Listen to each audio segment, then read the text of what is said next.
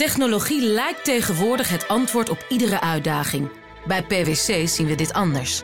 Als we de potentie van technologie willen benutten, kunnen we niet zonder een menselijk perspectief. Human-led, tech-powered noemen we dat. Ga naar pwc.nl. De toekomst, wat beweegt en waar dromen ze over? Wat vinden ze belangrijk en wat juist niet? Ik bespreek het in deze rubriek met Future Business Leaders.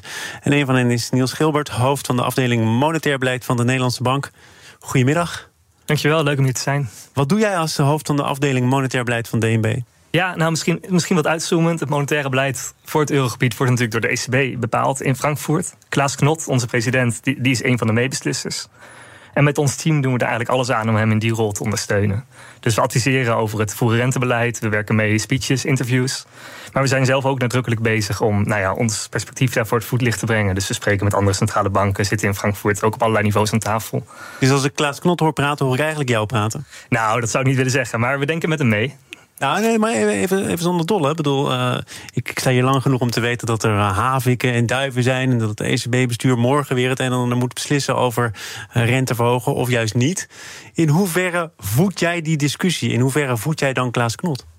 Nou ja, dus elke zes weken zo'n rentevergadering. En we gaan dus, ons werk is best wel cyclisch. En we werken toe naar, nou ja, we schrijven een monetair beleidsrapport. Dat is gewoon het advies van de werkvloer aan Klaas uh, met wat wij zouden vinden wat er moet gebeuren. Er zit natuurlijk ook al wat gedachten in over wat haalbaar is binnen, binnen die Europese constellatie. Uh, en daarover gaan we met hem in gesprek. Daar heeft hij ook zeker zelf een mening over. Maar hij luistert ook naar onze mening en dan, dan komen we tot iets. En de rest van de wereld heeft er ook een mening over. Zeker de mensen die ik hier dan uitnodig. Er zijn economen die zeggen dat DNB er te hard in gaat en soms te zacht in gaat. Hoeveel ruimte is er voor ook jouw persoonlijke opvatting? Um, nou, mijn puur persoonlijke opvatting, dat is, dat is maar één van de velen. Maar wat, waar, waar wij met ons team uiteindelijk toe komen. Ja, ik denk dat het heel belangrijk is dat alle perspectieven naar voren komen. Uh, dat er geen blinde vlekken zijn en we niet met z'n allen in dezelfde tunnel induiken. En daar hebben we echt hele open discussies over. Ja, en hoe, hoeveel mensen doen dat? Uh, het team is 14 mensen. En jij bent daar de leider van? Ja. Ja, nou, het, het is ook niet iets waar je aan moet wennen, want je bent al een tijdje toch? Je werkt ook al langer bij DNB. Ik werk al een flinke tijd bij DNB en uh, sinds een jaar of tweeënhalf in deze rol. Ja, en wat, wat valt je mee of juist tegen in die rol als je van medewerker nu toch ook de leider van een team bent? Ja, nou voor, voor een deel ben ik er heel geleidelijk bijna, bijna ouderwets naartoe gegroeid. Zeg maar steeds coördinerende rollen, wat zwaardere rollen. En uh, een tijdje de afdeling uit. En toen van een club die ik al best wel kende, uh, de afdelingshoofd geworden. Uh, ja, dan valt je toch nog wel op hoeveel er samenkomt op die plek. Uh, ja, je hebt ook 14 mensen met 14 carrièrepaden, uh, wensen. Uh, dus de HR-kant. Ook altijd in zo'n organisatie gewoon een managementkant. Het is misschien nog net te doen, 14 of niet? 14, ik vind het een hele mooie groep. Je kan bij iedereen nog ja, je bent nog bij één op één bij iedereen betrokken. Je, je gaat kan... voorlopig even niemand aannemen. Uh, Weer een carrièrepad erbij.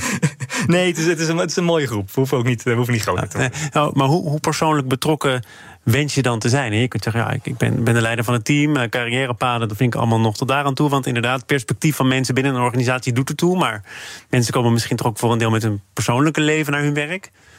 Is dat iets waar jij je ja, nou, een beetje mee moet bemoeien? Nou, bemoeien, bemoeien denk ik niet. Misschien soms een luisterend oor. Soms als mensen daar behoefte aan hebben, wat meedenken. Maar uh, nee, ik zie niet meer rol om daarmee te bemoeien. Ja. Um, wat zijn in jouw werk uh, de deadlines? Hè? Als zo'n ECB bij elkaar komt, morgen dus. Ja. Merk je dan dat het uh, de weken, dagen daaraan voorafgaand drukker is? Ja, ja, dus de ECB is, is vandaag en morgen bij elkaar. Het hadden een, een tweedaags circus. en dan ronden we. Dus gisteren hebben we alles afgerond aan voorbereiding hiervoor. Uh, de week daarvoor zat ik dan zelf in Frankfurt voor, laten we zeggen, de besprekingen op een niveautje lager. Dus ja, dat is wel een soort piekmoment waar we met z'n allen naartoe werken. En, en waar word jij dan, ik weet niet of ik het zo bedrijfsmatig kan uitdrukken, maar waar word jij dan op, op afgerekend? Wat moet jouw team voor elkaar hebben? Ja, nou, we proberen natuurlijk.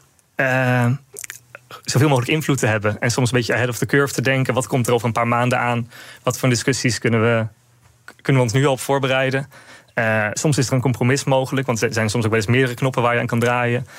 Um, dus het is, het is heel moeilijk een KPI's te vatten. Dat proberen we wel eens. Het is, is best lastig om te zeggen. Ik kan ook wel gaan betogen dat we enorm invloedrijk zijn in Frankfurt. Dat, dat zijn we echt. maar uh, dat, dat is best wel moeilijk herleidbaar. Dus uh, ja. Is het de snelle wereld? De wereld van de centrale bankiers? De wereld van DNB?